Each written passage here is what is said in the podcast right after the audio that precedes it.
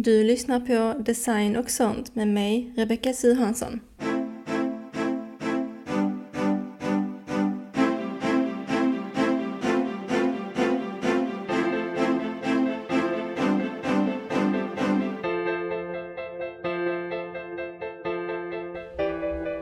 Super, då är vi igång. Grymt. Så när jag ett möte igen. Så. Ja, men eh, hej. Hej. Sara.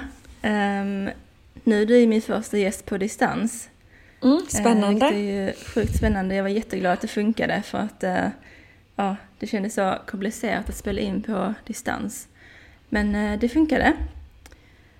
Nu får vi hålla tummarna att allt funkar också resten av vårt samtal. Ja, men precis. Det är ju väldigt smidigt att man kan göra sånt här på distans. Det... Ja, verkligen. Så länge tekniken håller. ja, exakt. Uh, ja, men så folk får lite överseende med ljudet, men jag tror inte det är något problem. Uh, men mm. du kan väl presentera dig lite grann, men vem du är, vad du gör och uh, hur det gick till när du startade eget? Ja, absolut. Och eh, som sagt, nu ska jag försöka hålla det här inte allt för långt. jag har, har en tendens att babbla på. Men jag heter Sara Nyman och jag driver ett företag som heter Social Media Pause där jag hjälper företagare med sina sociala medier.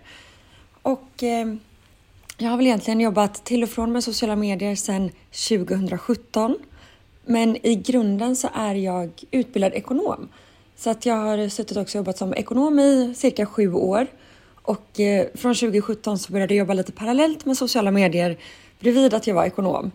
Men eh, har successivt gått över till att bara jobba med sociala medier och det var väl framförallt att jag gick in i väggen 2019 som gjorde att Jaha. jag var tvungen att välja någonting sen. Så mm, då blev det... Var det för att du uh, jobbade för mycket eller? Jobbade för mycket och jobbade på fel sätt så att det inte passade mig. Att uh, jag har väl insett att driva eget funkar mycket bättre för mig. Att kunna styra min egen tid och hur mitt liv ser ut funkar mycket mm. bättre med att då kunna anpassa efter mina förutsättningar. Istället för att passa in i den här boxen som alla kanske inte mm. passar in i. Så att det var lite det som gjorde att, att det inte riktigt funkade för mig. Men... Um, alltså det är ju tidskrävande att driva eget också men på ett annat mm. sätt. Som mm. du säger att just det här med tiden, att kunna styra över det är ju liksom avgörande för många. Ja men precis och just Ja, att det blir ett helt annat, annat sätt att leva. Fastän det absolut inte betyder mindre stress. Det kan vara mycket mer mm. stress i vissa fall. Så att jag tänker, jag tror många som har gått in i väggen endast på grund av stress. Då kanske det inte är superbra att direkt eh, satsa på att starta eget. Utan då kanske det kan vara skönt att gå tillbaka och ha en stabil grund. Så jag rekommenderar inte alla som går in i väggen att eh, starta eget är lösningen. Gå från noll till hundra. Nej, det, Först behöver man en paus, en lång paus och vila. Sen behöver man hitta det man är passionerad om och verkligen drivs av att göra. Och sen så måste man hitta vad som funkar för en själv. Mm. Så för mig var det... Egentligen kom inte jag tillbaka genom att börja med det här företaget utan jag driver ju ett till företag som heter Baka med matte. Där jag tar fram ja, hundvänliga recept som man kan baka hemma. Så att jag är liksom då receptkreatör åt hundar. Och det var kul. Det är så roligt. Och eh, det var så jag började ta mig liksom tillbaka från min utmattning. Genom att stå hemma och bakade och så blev det en business av det. Vilket är jätteroligt. Så det var inte tanken från början då att det skulle bli liksom ett, eh, ett jobb? Både ja och nej. Det var väl en förhoppning att eh, kunna göra någonting med det. Så att jag hade det från början att jag ville göra det professionellt och seriöst så att jag om jag i framtiden ville liksom kunna driva business av det så skulle jag ha gjort en bra grund. Mm. Men från början så var det mer att jag behövde en bra sysselsättning från ja, att bara det. gått hemma ett tag. Och så som sagt har jag jobbat med sociala medier till och från sedan 2017 på olika sätt och framförallt hjälpt småföretag med sociala medier.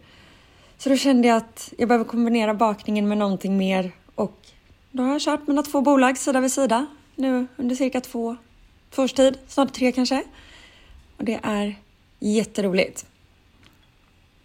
Det, är så, det känns som en väldigt bra grej att ha ekonom i bakgrunden. Mm. eh, alltså med ekonomin och så i ditt eh, företag? Ja, För det är nog någonting som, eller det är väl någonting som många liksom känner att, eh, jag menar det största hindret när man ska starta eget liksom för att man, ja men typ som jag, jag har ingen bakgrund alls inom ekonomi. Så jag fick lära mig allting själv och sånt. Vilket var ett helvete. det förstår jag. Det är jättesvårt och det är väldigt mycket att förstå. Och man kan ju lätt bli stressad bara det här med vilken bolagsform man ska välja. Har man inte suttit, jag har ju jobbat då med olika bolagsformer under sju års tid och visste direkt vilken bolagsform jag ville ha ifall jag skulle dra igång mitt bolag. Så för mig var det superenkelt val för att jag visste varför jag ville ha det på mitt sätt eller liksom vad jag ville få ut av mitt företagande. Och då blir det mycket enklare. Men ska man för första gången starta bolag.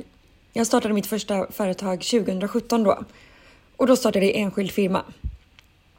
Och då fick jag också lära mig allting lite från början. Hur man gjorde. Så att sen nu när jag 2020 var redo för att satsa på riktigt. Så visste jag att jag direkt vill ha aktiebolag. Men det hade jag inte lärt, kunnat veta om jag inte hade den här bakgrunden som jag har. Så det är jättesvårt att veta Ja, allt. Men ekonom, är det samma, eller jag menar jobbar man med, alltså, för jag vet att företagsekonom är väl en typ av ekonom, eller? Jag har ju suttit som, eh, vad ska man säga, så jag har suttit på olika bolag och hanterat deras ekonomi. Så fakturer in, fakturer ut, Mm, okej. eh, bokföring, årsbokslut, eh, momsredovisningar Mm. och hela den biten. Är det så jag- samma sak som revisor? Nej, men lite åt det hållet. Skillnaden på ekonom och revisor är att en revisor är för det första auktoriserad så du behöver en annan utbildning. Så jag jag skulle kunna lägga till, jag tror det är ett år jag måste läsa till på min ekonomutbildning för att bli revisor. Och eh, revisor är de som också på större bolag, eh, vad ska man säga, när du gjort årsboksluten så kommer revisorn och kollar igenom årsbokslutet och liksom godkänner det. Medan ekonomer sitter och gör, oh, där tappade jag min röst kände jag. Det är lugnt. Eh, Medan ekonomer sitter och gör den löpande bokföringen året om. Ja, okej. Så det, ja, så det vet jag att många har så, eller som så här, redovisningskonsult och revisor är lite olika. Men. Mm. Då, fick vi, då fick vi oss det också. ja, Ehm, men jag tanken är att vi ska snacka om sociala medier såklart. Precis. Eftersom du jobbar med det. Mm. Ehm, och eh, det kommer bli väldigt intressant för mig också eftersom eh, du kan säkert många saker som inte jag kan. Ehm, och eh, alltså jag tänker att vi pratar bara på och ser vad det tar oss. det tycker Så jag låter bra. Eh, ja, alltså vi pratade lite alltså kort innan vi startade inspelningen om vad vi skulle prata om. Mm. Och ehm, en av de sakerna var ju det här med, som jag kallar det, eller som jag pratade om i ett tidigare avsnitt, ehm, om hetsen som man kan uppleva det som eh, på sociala medier.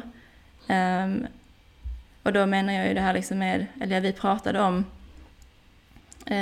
det här med sådana här typ, typer av inlägg liksom där man, eller där kan vara folk som jobbar med sociala medier liksom lägger fram det väldigt ehm, stressigt eller så. Mm. Eh, som att man kan få typ, ja men så här får du 2000 följare på en dag liksom eller eh, så här liksom når du ut till en miljon liksom på, ja, men, av ett inlägg. Och så.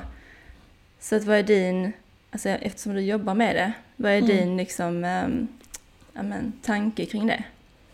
Min största tanke är att det mest skapar stress. Och jag tror absolut att det här kan funka bättre. Nu sitter vi i Sverige. Jag pratar svenska på alla mina kanaler. Nästan alla kunder jag har pratar svenska på sina kanaler. Och vi har en helt annan marknad i Sverige. Eller liksom, vi har ju inte... Vi är väl 10 miljoner nu i Sverige. Det är, vi är inte fler än så. Och jämför vi då med USA där du pratar engelska, du har Australien, du har, du har liksom jag förstår att de amerikanska kontona kan blow up på ett helt annat sätt. Och då är det väldigt svårt att sitta här i Sverige och kämpa med våra 2000 följare när de sitter med sina 200 000 följare på en vecka och vi liksom 2000 följare på en vecka skulle vara grymt jobbat. Medan de sitter och pratar om 200 000 följare på en vecka eller en månad.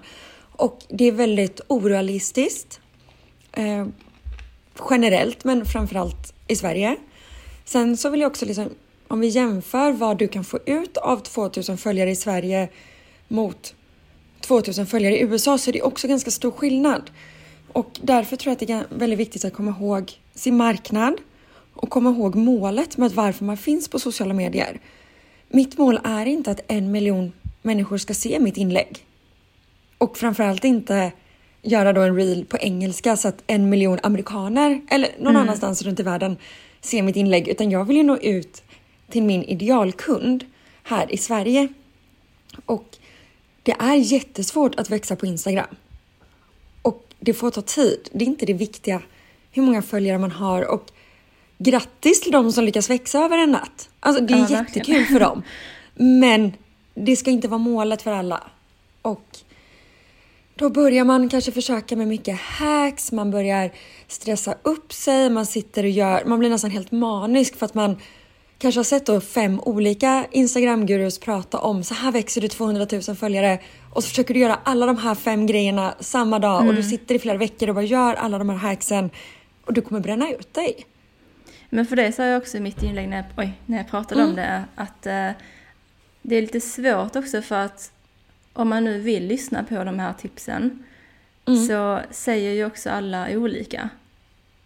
Alltså att ibland kan det kännas så, ja men som att man liksom blir ännu mer förvirrad eh, för att man vet inte vilken man ska lyssna på.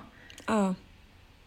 Um, men det är väl också det med att man måste liksom anpassa det efter, som du sa, sin egen verksamhet och att uh, det inte finns en mall för alla som funkar. Precis så. Och jag tror det är ganska bra att sålla vilka man följer, sålla vilka man lyssnar på. I vissa perioder hamnar jag också att jag börjar följa ganska många för att man blir inspirerad tills jag inser att jag nästan blir för inspirerad så att det tar över och blir det här maniska och inte längre inspirerar. Och då försöker jag avfölja och se till att jag följer liksom kanske en person inom varje kategori. Någon kanske inom content creation, någon inom Instagram tillväxt och så försöker jag hålla mig mm. till det. Man, det finns inga här kan vi jämföra med ekonomi. Ekonomi finns det rätt och fel. Du kan bokföra på ja. rätt och fel sätt. Du får, dina slutsiffror de måste stämma ihop. Här finns inget utrymme för att vara kreativ. Instagram är inte på samma sätt. Det gäller att testa sig fram och det gäller att hitta ett sätt som fungerar för en själv. Och inte och bara bli... Mm. Ja, förlåt.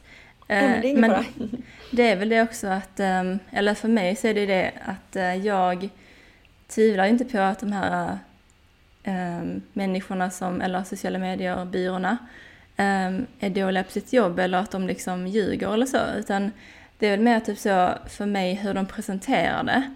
Att så här liksom att de är säkert jättebra på sociala medier och hur man liksom växer och så. Men att uh, det känns så ouppnåeligt det sättet de presenterar det på och då blir man så mest stressad för att som du sa, man sitter här i Sverige med liksom sin följarskara mm. och uh, tänker att det kommer jag aldrig, det kommer aldrig funka för mig eller typ att det kommer jag aldrig uppnå. Um, Precis. Och det är där det gäller då att ta ett steg tillbaka och tänka vad har funkat för mig och vad funkar för min målgrupp? Mm. Och hur ska jag fortfarande tycka att det är kul? Men på det spåret också, mm. eh, jag skrev ner det här med att eh, en annan del av den hetsen är ju också det här med hur man, ja men hur ofta man ska lägga upp på sociala mm. medier. För att jag ser också många så inlägg där folk, eh, men vissa säger att du måste lägga upp minst ett inlägg i flödet per dag, typ 10 stories per dag. Eh, mm. Annars kommer du inte att växa, liksom annars så händer det ingenting. Alltså hur ser du på det? Finns det något, alltså någon siffra på hur många Nej. gånger måste... Nej. Nej. Nej. Eh, absolut, postar du en gång per dag så kommer du växa snabbare än om du postar en gång i veckan. Du kommer växa snabbare om du postar en gång i veckan än om du postar en gång i månaden. Mm. Och så vidare. Och att posta en gång i månaden rekommenderar jag ingen.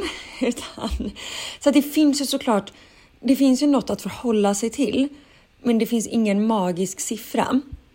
Däremot skulle jag ju säga att vara konsekvent är viktigare både för att du också då gör ett löfte till dig själv och nu tänker jag framförallt om du kanske är soloföretagare och du sköter det här själv. Att om du har bestämt dig för att ja, tre gånger per vecka är rimligt för mig att posta. Det vet jag att jag klarar av. Då tycker jag också det är viktigt för din egna utveckling och för liksom, dig själv och ditt företagande att du håller dig till de här tre gångerna.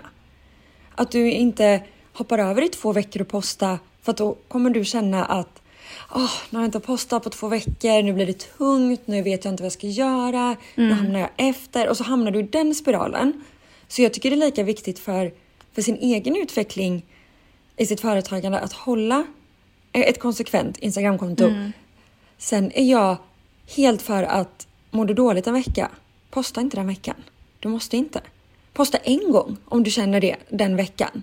Mm. Det får aldrig ta över ditt liv. Det ska fortfarande vara något som är positivt och som du ser kan ge bra. Men tänk då, har du en dålig vecka, lägg upp ett inlägg som du kanske har förberett. Nästa vecka kanske du är tillbaka på dina tre inlägg. Det är ingen fara. Men det här då med att posta eh, konsekvent. Mm. Eh, du sa att så här, liksom, ju oftare man, man lägger upp någonting desto eh, ja, men snabbare växer man eventuellt. Ja. Ja. Eh, handlar det om algoritmen då? Att liksom man får en boost eller så, utan vad handlar det om då? Jag skulle nog främst säga att det handlar om att, säg varje gång du postar så har du möjlighet att tusen personer ser ditt inlägg. Om du då postar sju gånger på en vecka, då är det 7000 som kan se ditt inlägg. Mm. Om du postar tre gånger på en vecka så är det 3000 som kommer se dina inlägg. Så jag, oftast så är det inte svårare än så. Att ju mm. mer du postar desto mer kan du synas. Men det måste fortfarande vara bra innehåll. Så att jag rekommenderar hellre att posta några färre gånger med bra innehåll än att ja, stressa över att man måste posta varje dag. För posta varje dag mm. är väldigt svårt. Om du inte har hjälp. Det, ja, precis. Eh, för det är så det att liksom, um, vissa säger också att man ska inte övertänka sina inlägg för mycket. Att så mm. liksom att då är det bättre att bara lägga upp någonting. Men det, det, är en ganska fin linje mellan att bara lägga upp någonting för att lägga upp någonting och att tänka för mycket på det man lägger upp så att man aldrig ja. lägger upp någonting. Ja, det är liksom, en jättefin jag... linje. Uh. För jag är ju så sjukt perfektionist också. Uh, så att jag har verkligen försökt släppa på det men samtidigt så vill jag inte mm. släppa för mycket för då tappar jag det kvalitet. Ja. Det finns en eh, metod, jag vet inte om det är en metod eller vad det är, men som kallas good enough. Och det är att när du kommer till liksom 80 procent, de sista 20 procenten kommer ju ta väldigt mycket tid. Som du säger, du är perfektionist. De här sista 20 procenten är bara finlir. Det kommer inte göra så stor skillnad för mottagaren, men det kommer ta mycket tid och energi för dig. Och då när man kommit upp till liksom 80 procent klar, alltså man är 80 procent nöjd, då är det good enough att posta. Men att vara 10% nöjd om man bara lägger upp för att oh, jag har ju bestämt att på tisdag klockan 10 ska jag lägga upp. Jag tar en selfie och skriver hej hej, hoppas du har en bra dag. Nej, då, då, är vi inte ens uppe i good enough-tänket. Då är vi bara uppe i att posta för att posta. Mm. Så jag tycker absolut att släppa prestationsångest, ut med po posten. För ingen kommer granska det lika noggrant som du själv granskar ja. det.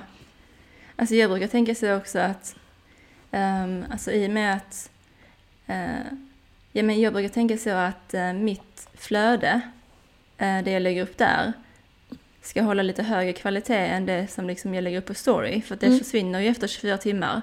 Så att det kan man använda för att så liksom hålla liksom, ja, men, aktiviteten uppe.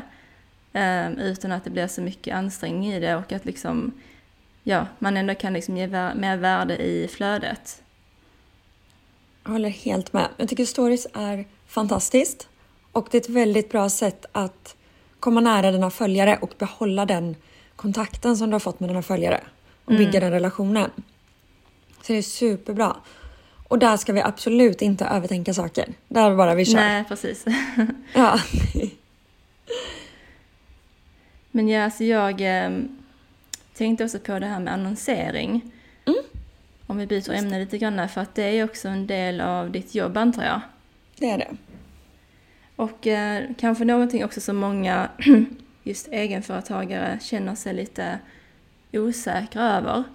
För att um, ja, men det är lite invecklat uh, och att det är så här liksom man tar en risk för man vet ju inte, alltså nu snackar vi ju då om betald annonsering mm. um, på till exempel Facebook och Instagram och så.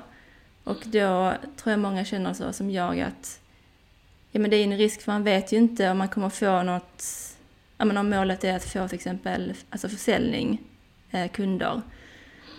Då vet man ju inte om man kommer få det i och med att det beror ju på så många faktorer. Mm. Eller det märkte jag nu för jag provade det själv um, förra veckan eller för förra veckan.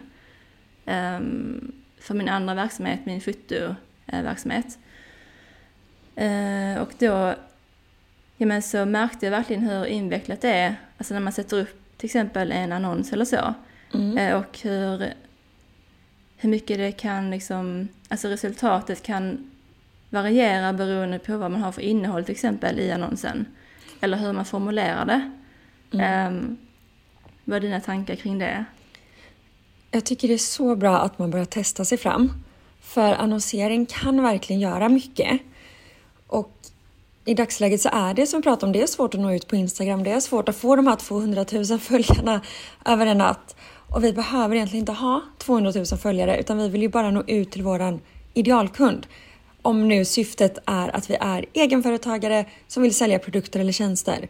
Då är det ju att vi vill nå, till en, liksom nå ut till någon som vill köpa det vi säljer. Och annonsering är riktigt bra tycker jag. Och det finns lite olika sätt att göra det. Och ett sätt som jag brukar tipsa mina kunder om de är helt nya, det är att man bara testar att boosta inlägg på Instagram.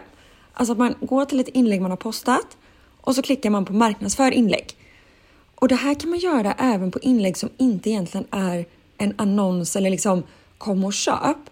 Utan det kan vara, du är fotograf då på din fotosida. Då kan det vara ett eh, något typ av innehåll där man visar upp dina, du kanske har fotat gravidfoton. Vi säger att du, är gravid, du fotar gravidfotograferingar.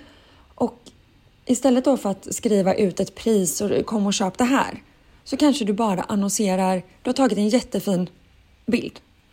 Det är kanske är en karusellpost med tre olika bilder från en gravidfotografering och du marknadsför den och försöker då hitta, nå ut till gravida. Och då kommer det också vara så att, för det här är ett sätt att öka möjligheten till att nå nya och nå nya följare och de kanske inte är helt köpredo än. För de flesta är inte köpredo första gången de ser din post. Mm. Och sen då kan vi börja marknadsföra och skriva om priser och vi kan göra liksom annonser på ett annat sätt. Men att först också börja med att nå ut är superbra.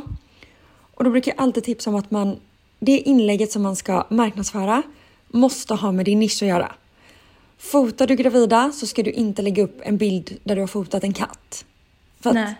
om syftet är att Ja. du, du kanske har en jättefin bild på en katt i ditt flöde, det får du gärna ha. Men om du liksom är fotograf och du kanske vill mixa upp med en katt. Men om du ska marknadsföra så är det då bilderna som är på gravidfotograferingarna. Och eh, sen brukar jag tipsa om att börja med 50 till 200 kronor. Det kan vara, om du tycker att det är mycket i början som egenföretagare så är det mycket utgifter man har. Det är svårt att hålla koll på vart man ska lägga sina pengar. Och då brukar jag säga istället för att gå och köpa en kaffe, gör en annons. För varje gång du Nej. gör Mm. Ja, nej, fortsätt. Nej, det är ingen fara. Okej. Jag babblar på så mycket så det är bara bra om du avbryter mig ibland. Ehm, men har du sett resultat från, um, jag menar du har så låg budget? Ja. För att jag har hört så liksom att vissa säger att du måste ha minst typ så tusen som budget totalt för att annars så kommer du inte se något resultat alls. Nej, alltså jag hade nu... För ett tag sedan gjorde jag eh, en annons åt en kund som var en reklam, som var liksom en kampanj, en 20% rabatt på en, en sak, eller en tjänst. Och eh, vi marknadsförde den för 500 kronor. Och jag kommer inte ihåg exakt hur många bokningar det var, om det var 34 eller 36 bokningar. Det här är ändå en tjänst som kostar cirka 3000 kronor. Så ta 3000 gånger 30 någonting och vi marknadsför det för 500 kronor. Det går. Men det här har varit, vi har jobbat ett år med den här kundens annonseringskonto och vi har testat oss fram och vi brukar Ja, ligga mellan mm, precis, att vi brukar ligga mellan 1000 och 2500 per annons. Här körde vi bara en snabb annons på 500 kronor och den gav jag, jag behövde gå in och dubbelkolla om det verkligen kunde stämma att den gav så bra, men det gjorde den. Okej. Så det går, men de här 50-100 kronorna är framförallt då om du är egenföretagare och du aldrig har annonserat innan. Mm. Så är de mest till för att du ska lära dig, du ska bli bekväm i verktyget och du kommer nå ut till nya och du kanske får några nya följare. Du kanske inte kommer sälja någonting på det här. Men du kommer kanske få lite nya följare som potentiellt kan bli nya kunder i framtiden. Nej, för, alltså på min, eller resultatet från min sån annons var då att jag hade en budget på eh, 100 kronor per dag tror jag. Ehm, för det är det vi snackar om när vi pratar budget liksom, per dag. Eller Jag snackar liksom, totalt. totalt. Okej. Mm. Nej, jag hade en budget på totalt ehm, 700. Mm. Ehm, och då ehm, alltså fick jag typ 110-130 eh, klick på min länk. Mm. Men jag fick ingen försäljning. Men att så här, det är väl som du säger att många är inte köpredo direkt. Precis. Så att, alltså jag fick ju ändå någonting ut av det men det är väl så att man ser ingenting konkret så. För man vet ju inte riktigt så vad de gjorde med det klicket. Alltså ifall Nej. de bara klickade in, klickade ut eller ifall de så här liksom sparade länken Mm. och så. Men jag tror ändå att den gav mig någonting. Det tror jag absolut. Det är jättebra med så många klick och sen kan man ju också nästa gång marknadsföra ett speciellt erbjudande till bara de som har varit inne och klickat på din länk. Mm. Om man vill ta det till nästa steg för du vet att de här 110 har ju faktiskt klickat. Ja men då kanske vi ska marknadsföra ett erbjudande till dem. Att man testar och det kan ju vara, det behöver inte vara att du erbjuder något. Det kan vara att få, få med någonting om man bokar eller att just nu har du någon någonting så att de känner, eh, liksom, för att de har ju redan klickat en gång så att de vet att intresset finns ändå på något sätt. Och, och några kanske råkade klicka, så är det alltid. Men majoriteten har ju aktivt klickat. Ja, precis. Men tycker du då, om jag ställer en konkret fråga. Eh, Tycker du att annons, alltså betald annonsering är någonting som egenföretagare ska investera i? Ja, Eh, rakt svar. som- Vad bra. Men då som komplement antar jag till liksom den organiska marknadsföringen man gör liksom på daglig basis. Gud ja. Gud ja. Jätteviktigt att, enligt mig, för vissa funkar det att bara köra på annonser och inte lägga tid på organiskt. Och då får man göra det. Man får ju hitta sitt eget sätt, eh, självklart. Men jag skulle säga att det organiska, väck, eh, där väcker du också eh, vad ska man säga, alltså du får ett förtroende. Det är där du kan bygga ditt personliga varumärke, det är där du kan få ett starkt varumärke. Om du är egenföretagare så vill du ju vara top of mind, du vill ha, det är dig man ska tänka på när man tänker på din nisch. Och då behöver vi det organiska, då behöver vi synas på sociala medier, då behöver vi vara lite personliga. Och det får du inte bara genom annonsering. Den här trovärdigheten. Men när du lyckas göra kombinationen av båda så får du också möjlighet att växa snabbare. Mm. Men det är bra det du sa med att man behöver inte ha så stor budget direkt. Mm. För att det är nog det som har hållit mig från att ja, men, experimentera med eh, betalda annonser. För att jag har tänkt liksom att ja, men gud, jag måste ha liksom typ flera tusen i budget liksom, och det har jag inte just nu. Så då sköt jag upp det så här liksom att ja, men, jag gör det när jag har råd. Eh, så blev Ja. det aldrig av. Jag tänker däremot om du ska anlita någon för att göra dina annonser. Då skulle jag säga att då ska du satsa på en lite större budget. För ska du ändå betala någon, det kostar ju en del om någon ska liksom sätta upp hela ditt annonskonto och göra dina annonser. Då är det värt att lägga lite mer pengar på även annonserna. Så att du inte känner att det blev dyrt att anlita den här personen och du inte fick ut tillräckligt av det. Men de här småpengarna är när du själv vill sätta dig och testa dig fram.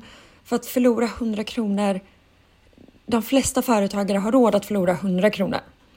Men inte 10 000. Så, ja, så framförallt vill du sitta och pilla lite själv, gör med de här små kostnaderna. Det är jättebra. Eh, fungerar... du sa det här med att boosta ett inlägg istället för att ja, men skapa en hel annons i då. Mm. Eh, Metas annonshanterare. Är det samma upplägg, alltså så här liksom rent ekonomiskt, eller är det, får, man, får man liksom mer för pengarna för, alltså, på något av dem, eller är det liksom... Är det någon skillnad i det ekonomiska? Det jag har märkt Alltså det som framförallt är, är att det är väldigt enkelt att boosta ett inlägg på Instagram. Mm. Så därför brukar jag rekommendera det som första steg om man är helt nöjd på annonser. För det är, lite, det är väldigt enkelt. Och man kan liksom sitta där och pilla lite och lägga in målgrupp och så. Och sen är det ju så här, vart vill du? Då kommer din annons bara att synas på Instagram. Vill du, har du en målgrupp du känner dig stark på Facebook, då kanske du vill att det ska synas även där. Och då behöver vi över i Meta och köra en face, via Facebook Ads Manager. Eller annonscenter. Ja, för min första tanke när jag liksom stod och pillade med det i annonshanteraren då. ehm, då hade jag ju, alltså då satte jag ju upp en helt ny annons då liksom. Som skulle synas lite överallt. Och min första tanke var ju liksom att det var, att det var sjukt många liksom steg och många liksom ehm, ja, men funktioner och eh, det var väldigt invecklat så att sätta upp det. Liksom, jag tänkte att det skulle vara ganska lätt att bara typ gå in och, ja men som du sa, som man gör, som man gör i appen till exempel, när man ska boosta ett inlägg. Ehm, men det var ju väldigt så, alltså för den som är nybörjare eller som inte kan så mycket om den biten, så, så kändes det väldigt så bara överväldigande. Förstår att, det. ehm, för man visste inte, eller jag visste inte riktigt så om jag klickade på rätt saker Mm. eh, och så. För att det är liksom inte bara det här med liksom eh, budget så, utan det är liksom att det är målgrupp, det är budget, det är innehållet. Sen är det också det här liksom när man ställer in själva, alltså vad det ska vara för typ av annons, vad målet ska vara, ehm, var det ska synas och sånt. Så att, eh, Precis. det är nog ett bra tips det du säger att eh, börja med att eh, boosta inlägg istället. Men det brukar ofta vara uppskattat att ha små steg. Och man kan lätt bli stressad inne på annonscentret. Vad heter Nu, jag suttit på engelska business suite och annonscenter och alltid Ja. blandar... Ja, jag kan vad jag ska göra där inne men jag blandar alltid upp vad de heter. Men det är alltså via Facebook. För er som undrar så är det när man går in via Facebook och på företagskontot och in i Business Suite. Där hittar du annonscenter. Och jag kan ju säga att för min del, om jag vill få större spridning på någonting, om jag vill bara nå ut, om jag känner att jag har skrivit ett väldigt bra inlägg som passar min idealkund väldigt bra, då kör jag en boostning på Instagram för att jag vill bara nå ut till fler på Instagram. Det kanske är för att ja, man har möjlighet att få nå nya personer. Medan om jag vill nå, säg att jag ska hålla ett webbinar, säg att jag ska släppa någon kurs eller jag har platser kvar till någonting, alltså på något sätt mer åt det hållet. Då går jag in via Facebook och gör en annons och då får det gärna vara något rörligt i annonsen. Det är ett tips. Och rörligt kan bara vara så enkelt att du kan vad gör att texten kommer in rullandes. Då räknas det som en video. För videoformat gör sig oftast bättre i annons. Och det kan vara ja, men en pil som bara pekar på något som rör sig. Så fort det är någonting som bara rör sig så blir det en video. Och det generellt sett brukar generera bra. Men som sagt, om man bara vill snabbt lite nå ut lite, få möjlighet att synas, om man känner att det står stilla på ens konto och man bara vill ut och synas lite, då är det bra att boosta inlägg. Ja, men det är bra tips. Uh, ja, alltså uh, vi, nu har vi pratat om hetsen på sociala medier, vi har pratat om annonsering. Um, ett annat roligt fenomen på sociala medier är ju det här liksom med när, eller som det så fint kallas, follow for follow. Alltså när, alltså folk följer en för att, ja men de förväntar en att man ska följa en tillbaka. Och eh, det händer ju mig ganska ofta. Jag vet inte, händer det dig? Ja, absolut. Det är det. Och man märker väldigt tydligt när det är någon som bara följer i just det Ja. syftet. Och det... Jag vet ju också att det finns de sociala medier gurus, eller vad jag vill kalla dem, som även tipsar sina kunder om det här. Att gå in och följa Jaha. tio personer per dag. Jag har haft eh, kunder som har kommit till mig när jag coachar dem som har sagt att de har fått det här tipset när de har gått till någon annan tidigare och bett om hjälp. Och... Eh, nej! Sluta! Det är inte ett tips ju. Det är jättedumt! Jag tycker, ja, alltså att, ja, ja, nej, säg. jag, jag tycker det är jättebra att följ personer. Alltså du ska inte sitta och följa noll. Det är inte det vi säger. Men följ det som du tycker är intressant. Följ dem du vill interagera med. Va- Gå ut och var social på sociala medier. Jag uppmanar till att kommentera, ställ frågor, var nyfiken. Men sitt inte maniskt och följ 10, 20, 30 konton per dag för att sen en vecka senare sitta och avfölja alla som inte har följt det tillbaka Nej, för att sen precis. börja om. Nej. Alltså för min spontana så tanke, men som du sa när man märker tydligt att någon följer en för att jag ska följa tillbaka. Alltså när det händer, vilket är nog relativt ofta, så känner jag ju sån stress att följa tillbaka för att liksom annars avföljer de mig och då liksom så här, att jag vet ju att det är så här dumt koncept. Men att jag förstår bara inte den, den grejen. Varför följer de mig från början om de inte liksom är intresserade av att följa mig? liksom? Precis. Jag håller helt med. Det är så konstigt. Men det är ju den här Ja, jakten på följare. Det är att vi har blivit så stressade av att vi ska ha så mycket följare som möjligt. Att det är det som är... Mm. Liksom, det är det visar på hur bra vi är som människor nästan. Alltså så djupt Mm. har det ju gått det här med följare. Så att vi blir maniska och glömmer bort varför vi vill ha följare. Vi vill ju ha de Mm. som är nyfikna på det vi gör. Men sen ibland är det också så ju att vissa konton som har, man kanske har tiotusentals följare. Sen när man kollar på deras inlägg och deras gilla-markeringar, deras alltså interaktion med andra. Mm. Så är den väldigt, alltså väldigt låg i jämförelse med hur många som följer dem.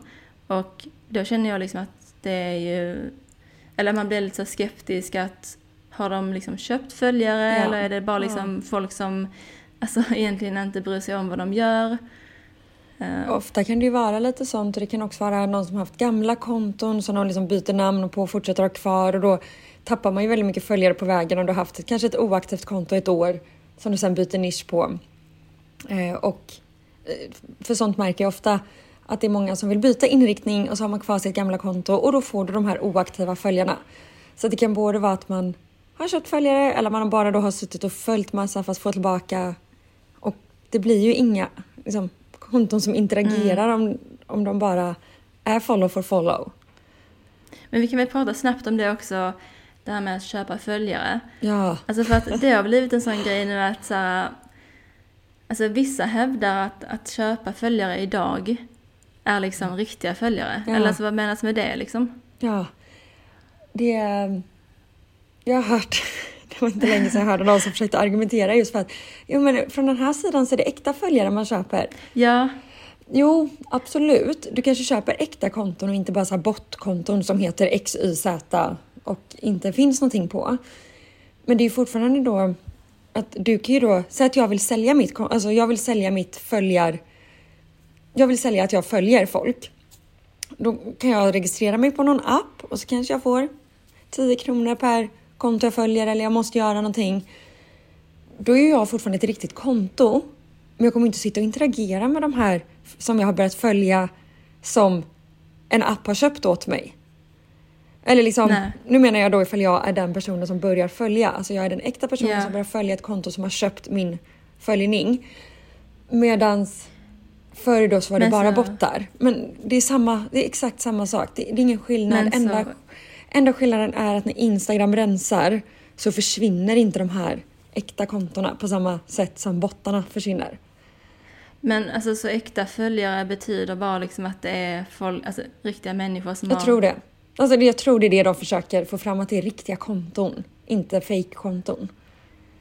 Ja men det är jättekonstigt ändå Ja. liksom. För... ja, det är lika dumt. Du får inte ut någonting av de här följarna. Nej, alltså verkligen noll. Eller så Ja. blir inte det nästan typ en negativ effekt också Jo. på ens konto? Liksom? Väldigt negativ. Så att har du suttit och köpt följare och sen når du inte ut till folk så är det ofta Nej, på precis. För att de, de här följarna kommer inte se ditt innehåll, de kommer inte interagera med ditt innehåll. De är bara liksom köpta siffror. Ja. Alltså för jag vet inte hur alltså, alls hur al- algoritmen fun- alltså, fungerar. Men jag antar att det är lite så att, som du säger, om man har liksom, alltså ett ratio mellan så liksom, hur mycket följare man har och hur mycket interaktion man får Ja. eh, blir liksom negativt om det ser lågt ut. Ja. Liksom. Och framförallt, det man vill är att folk som ser ditt innehåll inte bara ska scrolla förbi det snabbt utan att de ska stanna på ditt innehåll. Ja, just det. Och det gör ju inte de här bottarna. Så det är det vi verkligen vill åt. Vi vill att folk ska stanna och interagera. Det visar bra för algoritmen. Mm. Hellre 500 äkta följare än 500 000 bara köpta följare. Mm. Nej, alltså för jag eh, till exempel har ju liksom... Ja, men jag har haft mitt konto ganska länge nu, alltså ända sedan jag startade eget. Mm. Men jag växer ju... Alltså jag växer ju, ehm, men väldigt, väldigt långsamt.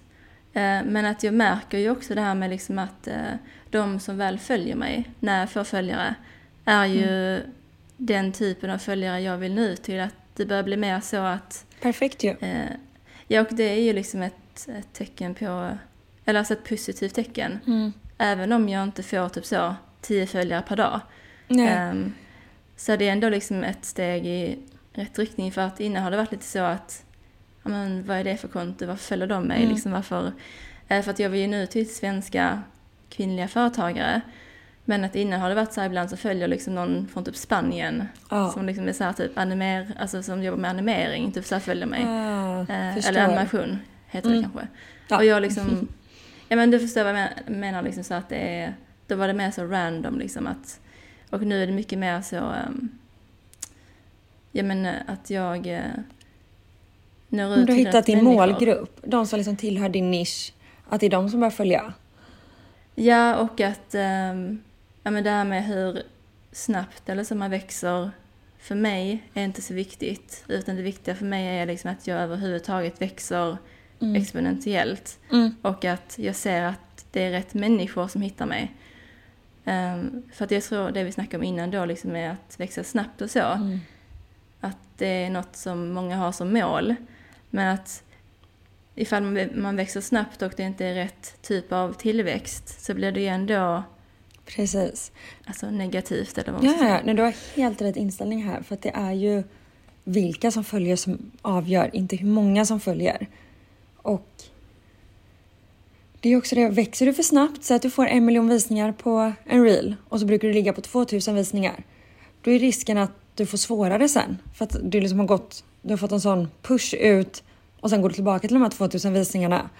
Det kan ju också bli, enligt jag vet vissa som har problem med det här för att de går virala ibland med vissa av sina videos och sen däremellan så går visningarna ner väldigt mycket för att då eftersom deras kontor har pushats ut för så många och sen nästa omgång så är inte folk så intresserade av deras nästa inlägg. Då blir det negativt istället.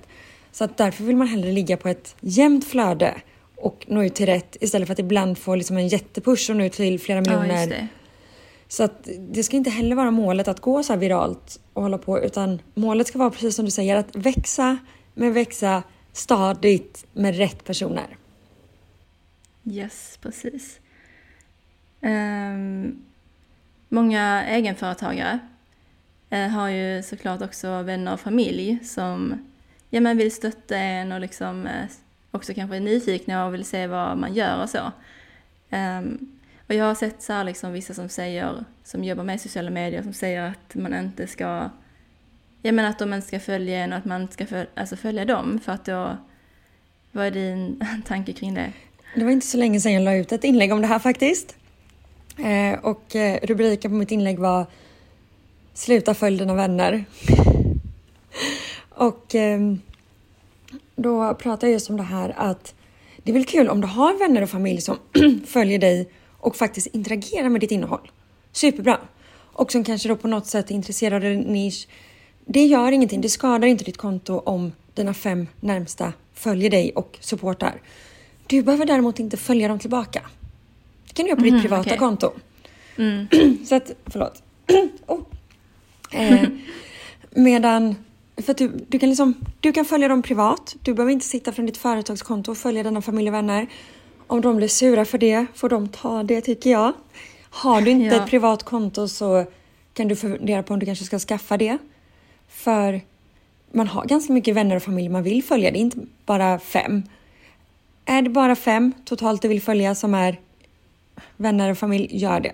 Om det är det enda du vill ha liksom, då behöver du inte skapa en Instagram bara för att följa fem. Men jag vet i alla fall att jag följer fler än så privat. Och håll isär det Och du behöver inte hålla på i början att skriva till alla dina vänner och familjemedlemmar att följ mig på det här kontot så att du kommer upp till dina första hundra. Utan låt de som faktiskt är intresserade av det du håller på med följa så att de kan supporta. Men det gynnar, det är bättre som sagt att vi ska hitta de här rätta som följer oss. Och pratar du om något helt annat än vad dina vänner är intresserade av så är det kanske lika bra att de faktiskt inte följer dig där. Men kommer de interagera och är nyfikna på det du gör och är på något sätt inom rätt målgrupp, kör! Då är det jättekul att ha dem där. Men det... Mm. Du behöver inte känna att uh, ditt företag... Kom ihåg att det är ditt företag. Det här är inte ett ställe där du ska liksom underhålla dina kompisar. Ja, nej precis. Alltså det är ju um, viktigt att sätta gränser för ens vänner och familj också. Det här med som du säger att, eh, att de ska behandla det som ett jobb. Alltså för att jag tror att många känner att ehm, som är närstående till egenföretagare, framförallt kanske soloföretagare, att um, om man då kanske inte har någon privat Instagram så um, ja, men så ser de det som ett sätt att hålla kontakt med en. Liksom. Men att um, det är väl viktigt att sätta en gräns där, att säga att men det här är mitt jobb. Mm. Liksom så att du kan skriva till mig på sms eller så, men mm. uh, att skilja på dem. Precis. Och som sagt, det är jättehärligt med vänner som stöttar. Det ska vi inte mm. ta ifrån. Men um, ja, bara komma ihåg den gränsen där. Um, ska vi avrunda med några konkreta tips? Eftersom jag tänker att du sitter på många. Ja, um, det tycker vi ja, men så här, liksom, Vad är dina bästa tips till um, egenföretagare som uh, försöker växa på sociala medier och mm. nu till andra med sitt uh, företag? Mm. Mitt första tips är att se till så att du har en optimerad profil. Det vill säga se till att ditt namn är sökordsoptimerat. Se till att det är tydligt i din biografi vem du är, vad du gör, hur du kan hjälpa din målgrupp. Så att det är tydligt att kommer det in någon som är gravid och ska, nu fortsätter jag på det här med gravidfoton bara för att jag haft som exempel. kommer in och då kan du stå, jag får liksom gravidfotografering Helsingborg. Bra, då vet jag det. Jag bor i någon annanstans i Sverige så att det inte är aktuellt för mig. Eller åh, perfekt, jag bor ju här. Och det ska liksom vara tydligt i din biografi vilka du hjälper och hur du hjälper dem. Det ska också finnas en tydlig call to action i din biografi, det vill säga typ klicka här för mer information, ladda ner en gratis freebie om XXX här, klicka här. Det ska finnas en uppmaning vad de som ser din bio, vad de kan göra härnäst. Så att de på något sätt ja, men vet vad de ska göra när de besöker dig. För här missar många och... Ja, oh. nu har jag sönder saker här också för att jag blir exalterad när jag pratar. Eh, nej men många missar att ha en optimerad biografi och, eh, eller profil och det, där kan du missa mycket. Så in och kika på det. Ha också en bra profilbild. Enkel grej. Mm. Jag brukar det är säga, jättebra tips. Mm, och som brukar säga att de senaste sex bilderna ska representera vem du är och vad du gör och hur du kan hjälpa din idealkund. Så det behöver inte vara att varje post representerar varje de här grejerna. Men på de sex senaste posterna så ska man kunna förstå det totalt ihop. Eh, var social på sociala medier. Inte, sitt inte gör follow for follow, men var social. Svara på alla kommentarer, svara på DMs. Mm. Kommentera hos andra. Ställ frågor som du genuint är intresserad av. Och ha kul. Skapa content. Content är roligt. Det är, det är också viktigt att komma ihåg. Berätta din historia via ditt content. Så kommer det locka in många. Och om folk eh, som lyssnar skulle vilja komma i kontakt med dig och eh, kanske få hjälp av dig med sina sociala medier. Ja. Hur gör de det lättast då? Antingen via Instagram, där heter jag social media pause och pause som i tassar på engelska, .se. Och jag kommer att länka det i eh, beskrivningen. Ja men grymt! Och då har du också min hemsida och min mailadress där. Så att antingen bara DM på Instagram eller ett mail. Så, och undrar ni någonting, tycker ni att det är någonting jag har sagt här som ni har följdfrågor på eller tänker mer om så finns jag också i det. Men jag är alltid öppen för att snacka. Så det är bara att ni hör av er i så fall. Vad kul. Men eh, då säger vi så. Eh, och jag tackar för att du var med. Det var superkul att prata med dig. Och det var jätteroligt att få vara med. Alltid kul att få prata lite sociala medier och företagande. Så det var jättekul.